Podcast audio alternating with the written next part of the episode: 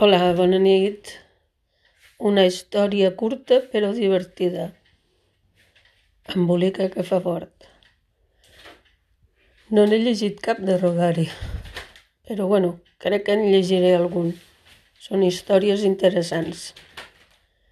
Espero que tingueu una bona castanyada. Vinga, adeu.